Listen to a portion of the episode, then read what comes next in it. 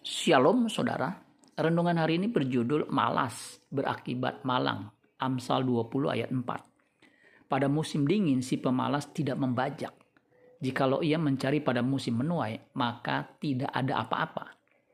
Terjemahan bahasa Indonesia masa kini Amsal 20 ayat 4 dikatakan, petani yang malas tidak mengerjakan ladangnya pada waktunya, akhirnya pada musim menuai tanahnya tidak menghasilkan apa-apa.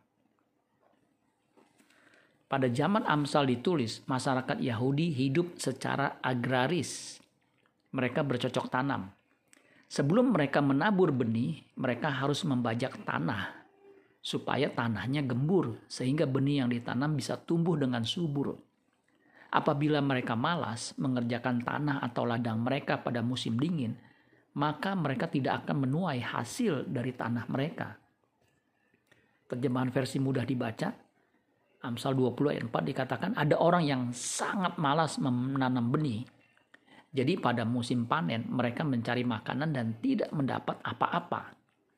Orang yang tidak menghasilkan apa-apa atau tidak memiliki penghasilan, mereka akan jadi gepeng alias gelandangan dan pengemis. Amsal 20 ayat 4 Indonesian Modern Bible dikatakan, karena musim dingin orang yang malas tidak membajak. Oleh sebab itu ia mengemis pada musim panen dan ia tidak punya apa-apa. Harus kita ingat bahwa di 2 Timotius 2 ayat 6 dikatakan seorang petani yang bekerja keras haruslah yang pertama menikmati hasil usahanya.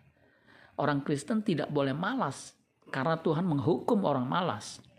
Matius 20 ayat 26 dikatakan maka jawab tuannya itu, "Hai kamu hamba yang jahat dan malas." Jadi kamu sudah tahu bahwa Aku menuai di tempat di mana aku tidak menabur dan memungut dari tempat di mana aku tidak menanam. Kemudian dikatakan Matius 25 ayat 30-nya, dan campakkanlah hamba yang tidak berguna itu ke dalam kegelapan yang paling gelap. Di sanalah akan terdapat ratap dan kertak gigi. Orang yang malas mengerjakan benih keselamatannya tidak akan menuai hidup kekal di sorga. Galatia 6 ayat 7 sampai 9 dikatakan jangan sesat. Allah tidak membiarkan dirinya dipermainkan. Karena apa yang ditabur orang itu juga yang akan dituainya. Sebab barang siapa menabur dalam dagingnya, ia akan menuai kebinasaan dari dagingnya. Tetapi barang siapa menabur dalam roh, ia akan menuai hidup yang kekal dari roh itu. Janganlah kita jemu-jemu berbuat baik, karena apabila sudah datang waktunya, kita akan menuai jika kita tidak menjadi lemah. Janganlah malas, kerjakan keselamatanmu dengan takut dan gentar. Amin buat firman Tuhan. Tuhan Yesus memberkati. Sola Gracia.